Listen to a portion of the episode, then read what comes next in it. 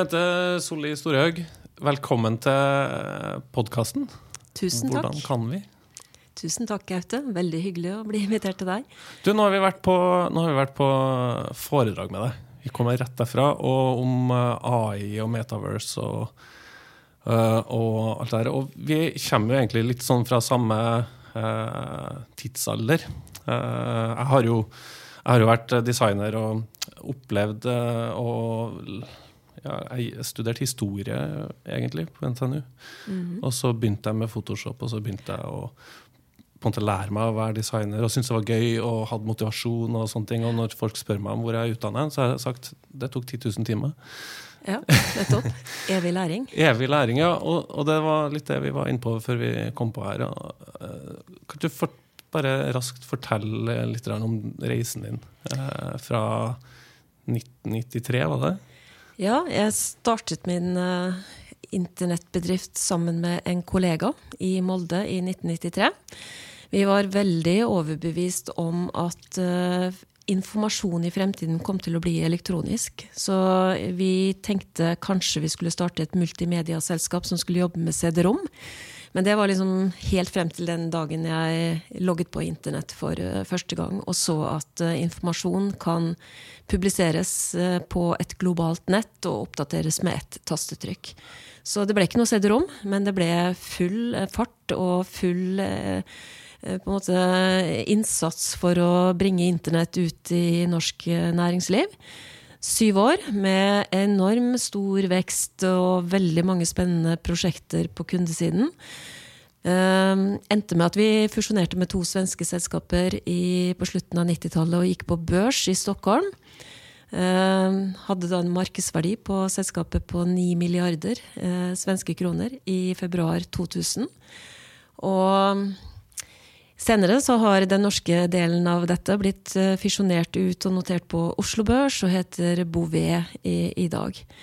Den reisen den lærte meg at uh, når vi får uh, nye teknologier og vi får store skift, spesielt når vi får teknologier som har et potensial til å endre alle industrier, alle bransjer, som kan skape nye produkter, nye tjenester, og, og, være med på å skape helt nye virksomheter som bygger på innovasjon og, og griper de mulighetene, så, så, kan man få til fantastiske eh, resultater. Eh, og det var en veldig, veldig lærerik eh, periode. Mm. Så internett forandret mitt liv. Eh, og takk og pris for at jeg var 25 år den gangen og kunne jobbe døgnet rundt. ja, det er gjenkjennbart. Uh, når du har uh, driven og det riktige tidspunktet og sånne ting. Mm. Um, men nå er vi her. Ja. Uh, ett år siden ChatGPT kom.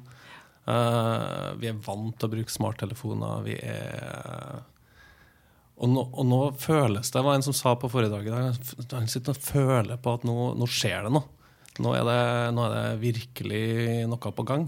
Ja, det, og den følelsen sitter jeg med òg ett år med et fantastisk brak gjennombrudd for eh, generativ AI. Uh, eh, OpenAI lanserte som du sier, i november i fjor. Det tok to måneder, så hadde selskapet 100 millioner brukere. Det er ingen teknologi som på en måte har hatt en like rask uh, vekst uh, på brukersiden. allerede nå så ser vi jo at vi har endra måten vi jobber med internett på.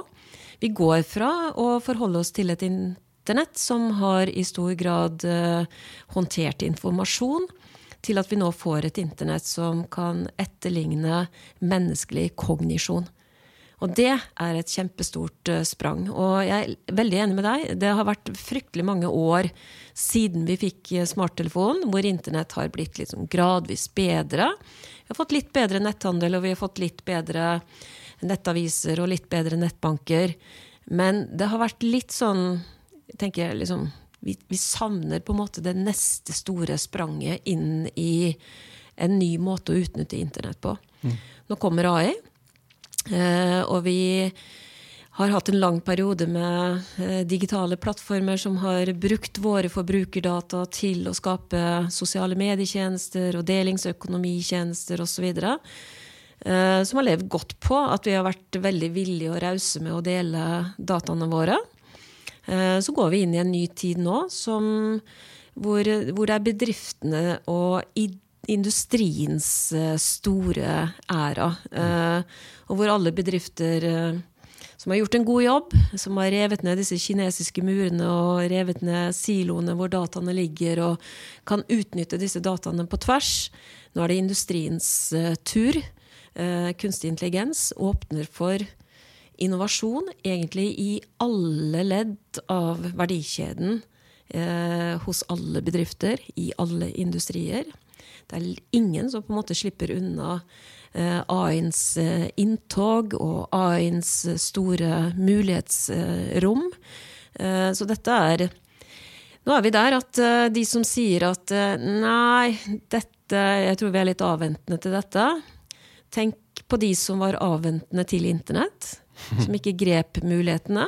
Ja, det er ikke noen sånn stor katastrofe akkurat i starten å ikke være førstemann på. Men du må interessere deg for det som skjer. Og du må følge med på hvordan dette kan forandre min virksomhet. Og du må forstå sånn rent sånn strategisk, kulturelt, organisasjonsmessig hvordan dette kommer til å endre alt. Fordi det er systemisk, sant? og det er en langvarig prosess. Akkurat som den digitale transformasjonen har vært veldig langvarig i alle bransjer som har vært nødt til å transformere seg fra den fysiske verdenen til å forholde seg til digitale relasjoner, digitale flater, så tar det veldig lang tid. Det tar 10-15 år, men så ser du veldig store resultater av endringen og transformasjonen. Mm. Det, er, det, det vi kaller Web 3.0? Web 3.0 er uh, teknologier som uh, bygger på desentraliserte uh, protokoller som blockchain, mm. først og fremst. som inkluderer digitale valutaer, kryptovalutaer. Som er disse smarte kontraktene, mer sånn autonome forretningsmodeller. Mm.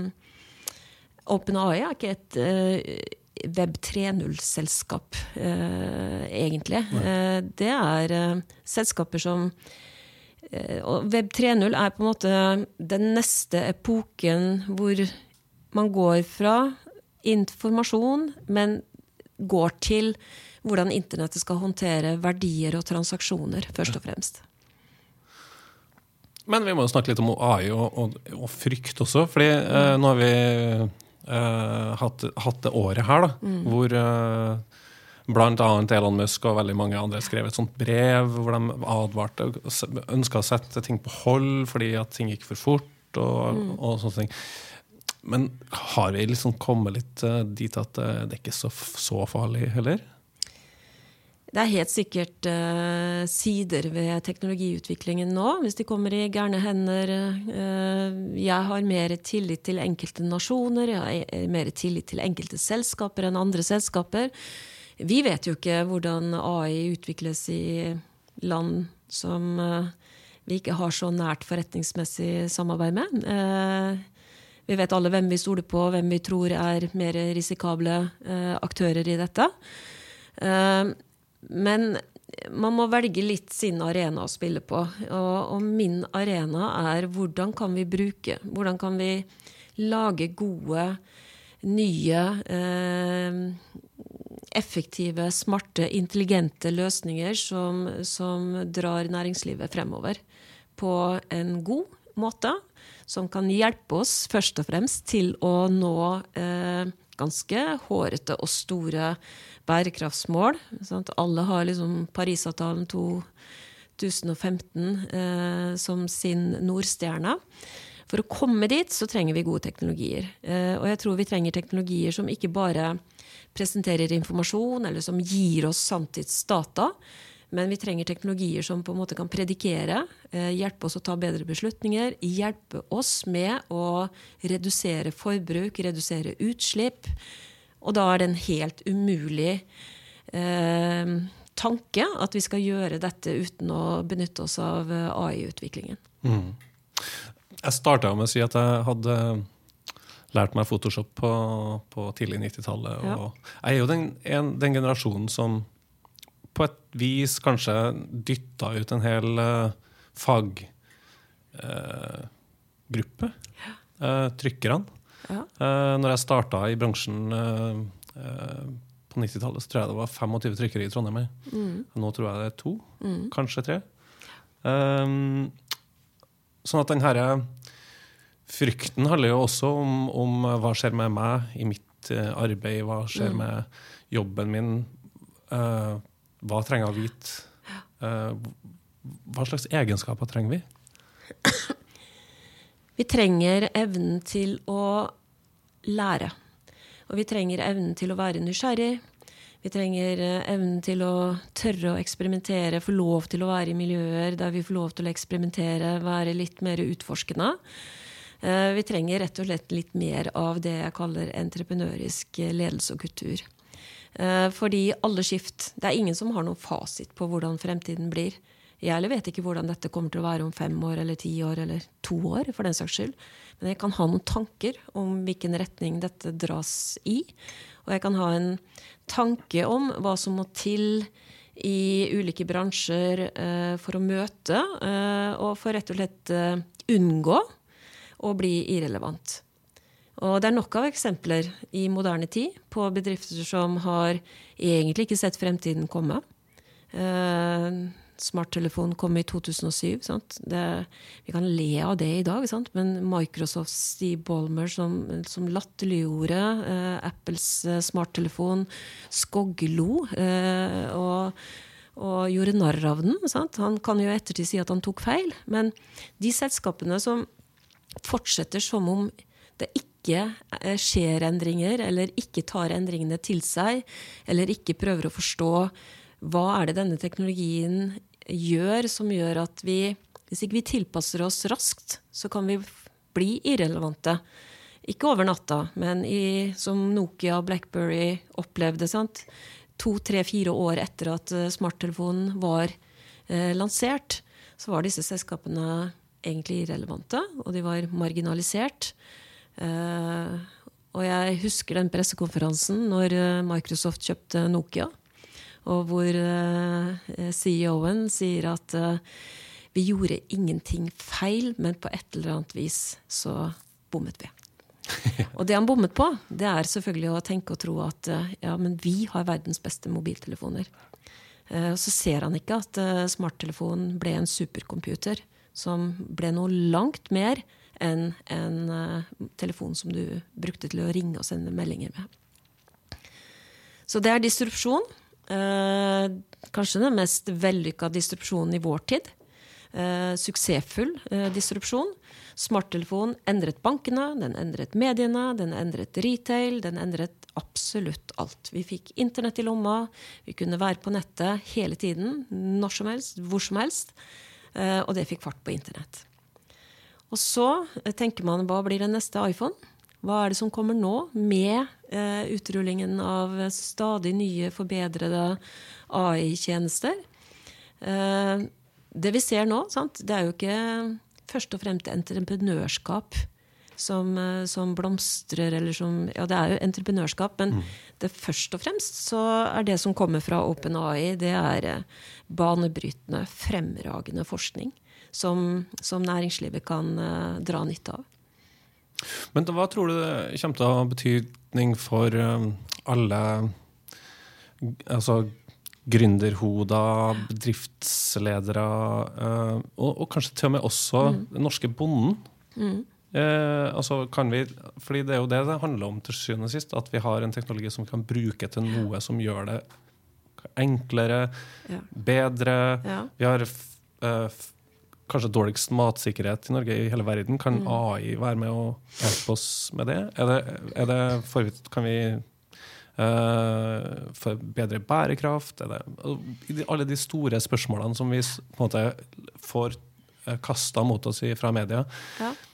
God innovasjon skal løse et problem. Sant? Så det du nevner der, er jo problemer eller utfordringer som vi på en måte må løse på en bedre måte enn det vi klarer i dag. Sant? Og alt det som har med dyr å gjøre, dyrevelferd Ok, det er veldig mange teknologier.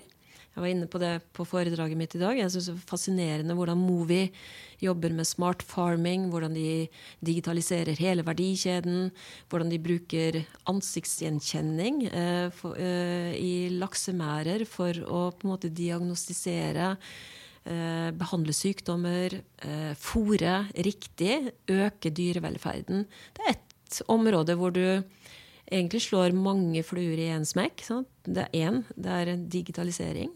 Det er AI, bruk av AI, på en måte som gjør at du kan levere på bærekraft i tillegg. Mm. Så jeg tenker at veldig mye innovasjon fremover det må ta utgangspunkt i hvilke, hvilke utfordringer er det vi skal løse i næringslivet. Og hele næringslivet har kjempetøffe rapporteringskrav på seg når det gjelder bærekraft. Spesielt de store selskapene allerede neste år. Uh, vi vet hva vi må levere på. Uh, vi klarer ikke å levere på de utfordringene hvis ikke vi bruker teknologi. Og da er AI en veldig, veldig viktig uh, teknologi i dette. Tror du også for næringslivet? for er, altså, vi har vært, vi snakka om smarttelefon og, mm. og, alle hjelpemidlene, og kanskje mer de her appene og mm. hjelpemidlene som vi har for system. Og så har vi også kanskje et systemkaos også. Ja. Eh, med, altså, du skal, jeg vet hvert at Vårt selskap har eh, fem-seks forskjellige virksomhetsstyringssystem eh, som, vi, som, vi, navigerer, i tillegg til at du har eh, sikkert en 40-50 andre apper på mm. telefonen din. Ja. Um, altså får vi Tror du vi får en, en annen tid nå? Altså blir det uh, ja, Helt åpenbart. Se hva Microsoft nettopp har lansert. Sant? Co-piloter som skal hjelpe deg i Office-programmer. Uh, Co-piloter som skal hjelpe deg til å forbedre kundeservice, knytter opp mot CRM-systemer. Se hva Salesforce gjør på co-piloter i forhold til salg. Ja, vi kommer til å få veldig mange smarte assistenter. Uh, i min jobb. Eh, jeg jobber i selskaper som, hvor vi bare har engelsk eh, i styrerommet, i, i all kommunikasjon. Eh, det å kunne på en måte skrive gode svar, få ChatGPT til å hjelpe deg med engelsken. Vite hvordan du skal bruke det uten på en måte å utlevere informasjon. Forholde deg til de verktøyene på en god måte en oversettelse. Det kan være eh, rett og slett hjelp til å strukturere, gjøre research, finne informasjon på en annen måte enn å bruke Google. Mm. Hver og en av oss eh, kan få gode, smarte assistenter til å jobbe sammen med oss. Vi kan bli mye mer produktive enn det vi er i dag. Men det forutsetter at man orker å ta den lille investeringen. Gå over den terskelen, sette seg inn i, laste det ned, begynne å betale for en ChatGPT pluss-bruker. Uh, og, og, orientere deg i de pluginsene som ligger der. Verden på dette området, ja, det er avansert teknologi, men det er overkommelig å lære det. Uh, og det er en uh, egentlig selvforklarende bruk av den teknologien. Du kan sette opp din egen GPT. Det, du trenger ikke å være programmerer for å få det til. Så kan du lage en GPT som som følger med et spesielt fagområde eh, for deg spesielt. Eh, og så ser du de bedriftene som har bygget plugins i OpenAI oppå språkmodellene. Klarna har gjort det. Eh, de har 150 millioner brukere over hele verden. Jobber tett sammen med OpenAI. Innovatørene kaster seg først på. Eh, de er mest nysgjerrige. De er kanskje best, best forutsetning for å se hvor i vår virksomhet kan vi eh, bygge på disse nye eh, økosystemene og språkmodellene. Men øh, du snakka om evig læring. Mm. Og, og, jeg er jo designer. Øh, har jobba med masse digitale verktøy, og sånne ting, og så merker jeg at jeg blir mer og mer jo eldre jeg blir, jo mer og mer går jeg tilbake til tusj og papir og whiteboard. Og, eh, og så ser jeg jo de her eh, racerne eh, som er unge og i 20-årene og har Figma i fingrene. Og, og det der har jeg ramla av lasset på. Og det er sikkert ganske mange som er i sin mm. profesjon og sånne ting, som bare ser den der digitale tsunamien Ja. som gjør at de bare føler at 'å, nå drukner jeg'. Og, Mm. og, og du sa du, du utdanner deg sjøl hvert eneste år? Mm. Jeg tar alltid Jeg har en regel om at jeg alltid skal ta minst ett executive-program hvert år. Så tidligere i år så tok jeg et seksukers program på Oxford eh, om blockchain-strategi. Jeg tok et tilsvarende program på MIT i 2017 eller 2018. Da var blockchain en veldig prematur teknologi. Sant? Eh, og da var det liksom riktig å gå til MIT, som er eh, teknologiuniversitetet. Eh, nå valgte jeg å gå til Oxford. Knallbra teori. Veldig mange industrielle praktikere som da var med i det kurset. Og så jobber du sammen med fem andre og skriver oppgave sammen med fem andre. Ikke overraskende så var det da fem menn. Eh, en bankdirektør i Nederland, en sveitsisk CTO, eh, en amerikaner som jobbet i Blomberg, to som var stasjonert i Dubai, eh, briter. Utrolig spennende å skulle skrive en felles oppgave, velge seg et tema innenfor blokkjede som, som hvor den teknologien har en god eh, nytte. Men hvis du er, hvis du er mellomleder ved en uh, offentlig virksomhet eh, og Ja. skulle hatt litt mer Altså skulle visst noe om dette her, og du har ikke Mm. muligheten til å, å ta et uh, sånt program, altså hvor hadde du skulle ha funnet den uh... Alle har muligheten til å ta programmer i dag, fordi det er utrolig mange. De store Harvard, MIT, Stanford, Oxford, INSEAD. De har utrolig gode online-programmer hvor du kan studere. Eh, du må bare følge ukesmoduler. Så får du en coach, eh, litt avhengig av hvilke programmer du velger. Eh, skriver oppgave, enten alene eller sammen med andre som sitter overalt i, i verden. Alle kan studere. Så Så og når jeg fortalte dere i dag om at Stanford har en egen metaverse-klasse Professorer er tilgjengelig på en helt annen måte i dag enn det det var når jeg var ung. Hvordan kommer man i gang med noe sånt? da? Da går man på nettet, og så ser man hvilke tilbud som ligger ute. Eh, som er kommersielle eh, digitale opplæringsprogrammer og sertifiseringer og studieprogrammer. Du trenger ikke å bo et år i utlandet for å kunne studere og lære av de beste professorene i dag. Dit har vi kommet. Wow. Hva, hva gjør det med norsk eh, utdanningssystem, da? At det blir kraftig utfordra. Fordi eh, hvem vil ikke studere hos de som eh, har eh, best kompetanse, som har de beste lærekreftene? Hva gjør si, Kunnskapsdepartementet med det her? Altså, det, høres jo helt vilt ut. At du kan studere hvor du vil. Ja. Det er ikke vilt. Det er sånn, sånn et internettsamfunn nødvendigvis utvikler seg. Og så tenker jeg at eh, vi står jo på terskelen til et mye mer tredimensjonalt internett. Vi har eh, Metaverse campuser i dag i Hongkong. Vi har eh, ti, mer enn ti universiteter i USA som har etablert eh, Metaverse eh. Um, og så er vi veldig veldig tidlig i det løpet der. sånn at om ti år så tenker jeg at uh, vi sitter ikke med klumpete, store, upraktiske Oculus eh, VR-briller på oss. Sant? Vi tar på oss et helt vanlig brillesett, og så får vi forelesningene opp i rommet foran oss. Uh, og kan sitte og følge uh, forelesninger på en helt annen måte enn det vi gjør via video tilrettelagte programmer i dag. Så Nei, utdanning den har ikke begynt på sin digitale transformasjon. De, de holder på den eh, klassiske forretningsmodellen som de har hatt i alle år. Det er klasserom og lærer og litt videoundervisning. Men det kommer til å bli en enorm endring på, i den sektoren. Ja. Du, jeg, tror, jeg lurer på en annen ting også. Er, vi snakka litt om eh, i dag eh, eh, det her med eierskap. Altså, det, det har vært en stor diskusjon med at uh, AI-en driver og stjeler åndsverk og eh, noe som andre har laga, journalistene i harnisk. Og, Ja. um, Tror du at um, altså hvordan, hvordan, blir open source som et fenomen oppi dette her framover, tror du? Nei, det er klart at Alt det som ligger i OpenAI i dag, det er jo skreipa fra internett. Koder på masse programvare og applikasjoner. er skreipa.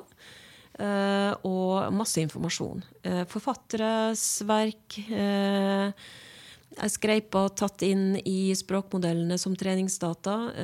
aviser jeg opplever det samme. VG har jo stengt ChatGPT ute. Det er masse amerikanske med New York Times i spissen som går til søksmål mot OpenAI fordi de mener at de kan ikke bare forsyne seg. Og så kan man jo stille seg spørsmål, da, hvis man lar ChatGPT uh, lage en app uh, for deg, og koder og gjør hele jobben basert på koder som er tilgjengelig i, eh, i modellen. Har du rettighetene til den appen? Det er jo sånn etisk eh, spørsmål som er greit å stille seg den dag i dag. Mm. Hvis du skriver et dikt og ber om at det diktet skal etterape en eller annen eh, stor poet, er det ditt verk? Hvem eier det? Mm. Inger Hagerups eh, lille dikt om mauren, ja, det vet vi. Det er Inger Hagerup sitt eh, dikt. Og jeg tror Erlend Loe har et ganske godt poeng når han sier at eh, selvfølgelig kan AI skrive bøker. Kanskje like godt som mennesker. Men den kunsten som virkelig teller, den eh, kommer ikke AI til å nå eh, en til anklene på engang. Og sånn er det i dag. Men så vet vi at eh, ja, hva skjer hvis vi da får ChatGPT5, som uh, Sam Altman i OpenAI har bedt om å få flere milliarder fra Microsoft, og har annonsert at uh, selskapet går i gang med neste generasjon innenfor uh, superintelligens. Det er jo Da går vi dit, så, så, så er jo nivået på kunstig intelligens kommet dit at man er like smart eller smartere enn oss mennesker. Mm. Så jeg tenker at uh, alt som er menneskeskapt, har en egen verdi. Uansett. Uh, jeg vil mye heller lese en artikkel som er skrevet av en god kommentator i en uh, dyktig redaksjon, enn å lese en kommentar som er basert på masse treningsdata på, på, på nettet. For meg så har den redaktørstyrte mediet større verdi enn et uh, kunstig intelligent uh, skapt uh, nyhetsmedium.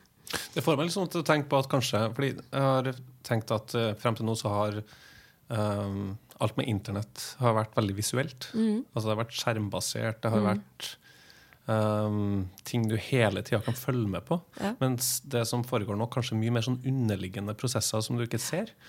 Ja. Uh, og kanskje det kan være med på altså, La oss si at ja, ta, ta Tibber, mm. for eksempel, jeg som har uh, som sier som har en sånn underliggende prosess, og så får jeg bare sånn varsel om at i dag, i dag blir, går strømprisen opp. Mm. Um, det er ikke noe jeg driver og følger med på. Uh, tenker ikke så mye på det heller. Nei. Ehm, men, ehm, men at du, da kanskje det er med på å gi et sånt kanskje enda klarere skille mellom det, altså det, det, vi ser på som kunst, og det som vi ser på som teknologi. Da, eller eh, skjønner du hvor jeg vil hen? At vi, at vi kan uh, ta teknologien uh, litt mer for gitt. Og den er der, og den gjør ting for oss, og, og, og vi trenger ikke å mm. tenke så mye på det. Mens at vi da kan også gi mer oppmerksomhet til de, de mer fysiske jeg tenker eh, teknologi Sånn som jeg bruker teknologi, eh, så, så, bruker jeg jo teknologi for å få mer tid til eh, andre ting. Mm. Jeg er liksom sånn veldig digital når jeg jobber og underviser og, og jobber med, med de bedriftene jeg jobber for. Eh, så prøver jeg å være så effektiv som mulig, så smart som mulig. Eh, kan jobbe hvor som helst fra. Sant? Eh, og nettopp fordi vi er så godt digitalisert som vi er. Og så når jeg da har fritid, så er jeg veldig analog. Så analog at folk nesten blir overrasket over hvilke hobbyer og interesser familien har. Da er det høner og småbruk og hage og ja, man broderer og man gjør på en måte veldig analoge jo mer digitalisert du er, jo mer fritid kan du få. Hvis du gjør det på riktig måte. Og sånn tror jeg det er med innovasjon og bedrifter også. At uh, den innovasjonen som jeg tar til meg, det er den innovasjonen som gjør at jeg sparer tid og sparer penger. Ja, ikke? Tibber sparer meg for masse penger. Fordi jeg får en innsikt i mitt eget forbruk, eh, og jeg kan skru av eh, og redusere forbruket. Så kan jeg hjelpe til på mer sånn bærekrafts, mitt personlige bærekraftsmål. sant? Eh, Det er jo da å ikke overforbruke, men eh, ha en mulighet til å påvirke og ta bedre beslutninger basert på teknologi som varsler meg, og som på en måte forteller meg hvordan ståa er.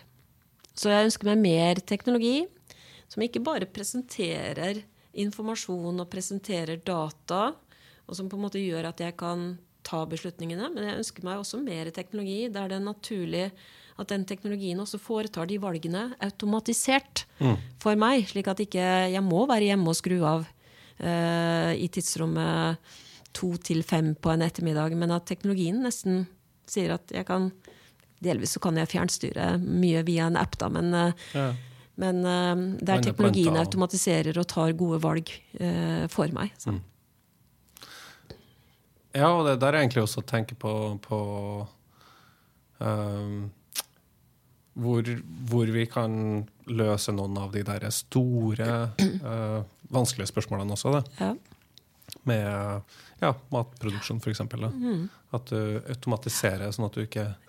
Kanskje en bonde til og med har mulighet til å skape nok verdi til å bare være bonde. Ja. Jeg føler liksom at alle bøndene i Norge egentlig har det som hobby, eh, mens de gjør noe annet eh, på dagtid. Ja, det er eh, kjempestort potensial. Det er mye digitalisering i landbruket. Ja. Og i fiskeri og i oppdrett og i maritim industri og, og i energi, som er store næringer i, i, i Norge. Men det er selvfølgelig veldig mye større potensial å ta ut. Det Formålet med podkasten har jo vært hele tida å prøve å uh, snakke om noen ting som er, er hvor, altså områder hvor det, hvor det er potensialet for innovasjon. Uh, hvor, ser du altså Nå har vi jo hatt uh, eh, jeg tenker at kanskje, i, i hvert fall i Norge, altså finans og offentlig sektor kanskje har vært de største driverne innenfor digitalisering. Kanskje. Det er kanskje flere òg. Ja.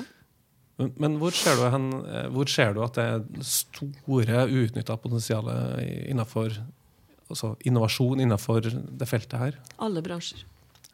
Så enkelt. Så enkelt. Mm. Alle kan bli bedre. Ja. Og vi er jo ikke Hvor stopper det? Nei, hvor stopper det? Eh, vi har jo perspektiver som eh, drar oss langt inn i 2030, 40 og 2050.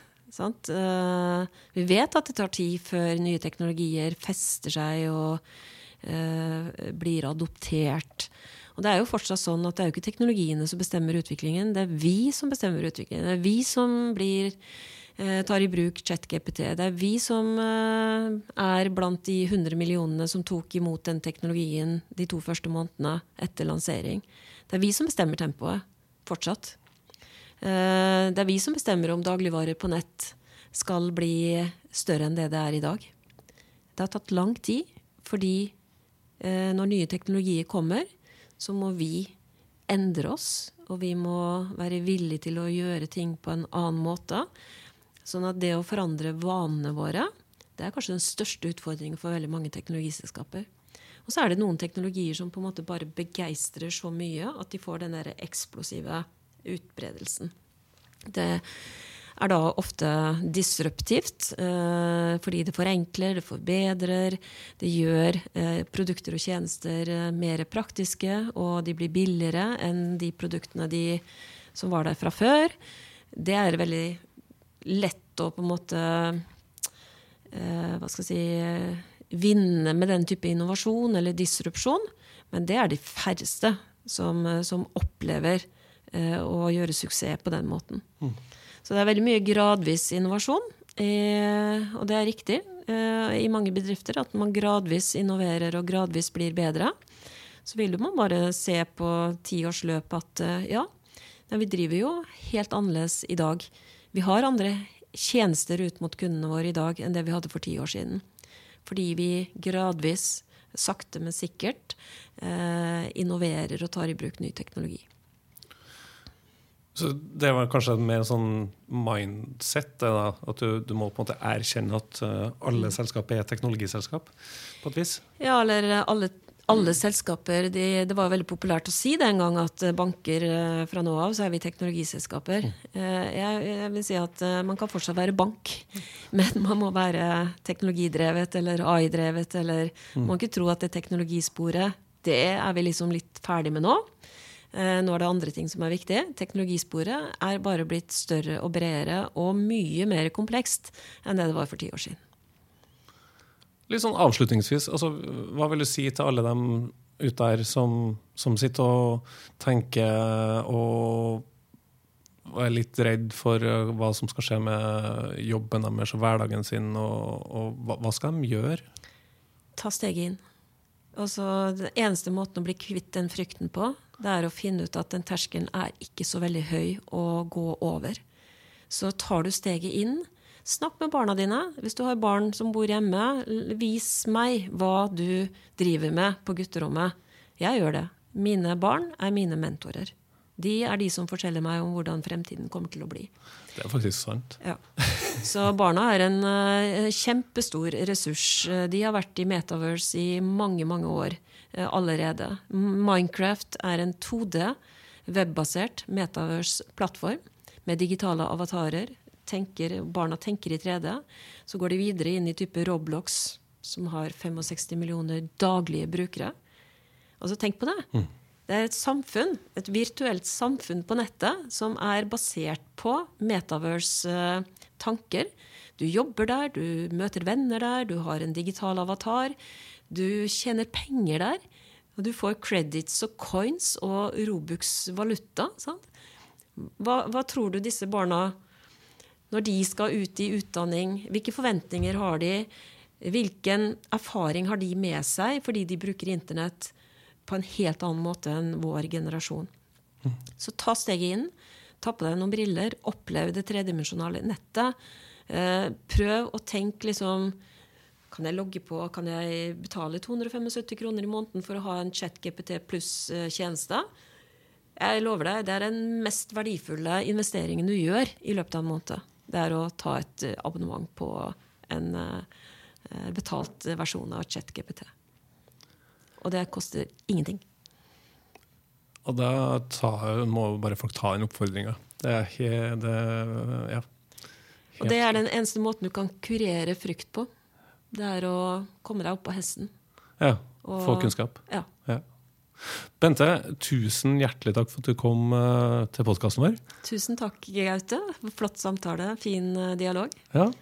Uh, hvor kan folk følge deg hvis de har lyst til å følge med på hva du driver med? De finner meg på LinkedIn. Det er uh, min kanal for å spre og dele kunnskap om det jeg er opptatt av. Så følg meg gjerne på LinkedIn. Jeg er aktiv uh, bruker av den ja, kanalen. Det har jeg sett. Ja. Tusen takk. Da skal du være du til Oslo. Uh, hva, hva, hva, gjør du fremover? Jeg skal til Oslo, og så mandag drar jeg til København. Da skal jeg snakke om emosjonell intelligens oh. og kognitiv diversity i styrerommene.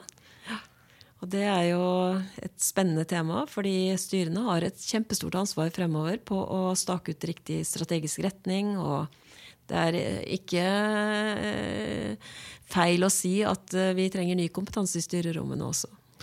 Høres ut som en uh, ny episode. ja, det er et spennende tema. Uh, invitert av den danske styreforeningen. Ja. Uh, har vært invitert et par ganger, og så har det ikke passet. Endelig så fikk jeg det til. Ja. Jeg gleder meg til å møte styreledere og toppledere i danske virksomheter på mandag. Herlig. Lykke til. Tusen takk.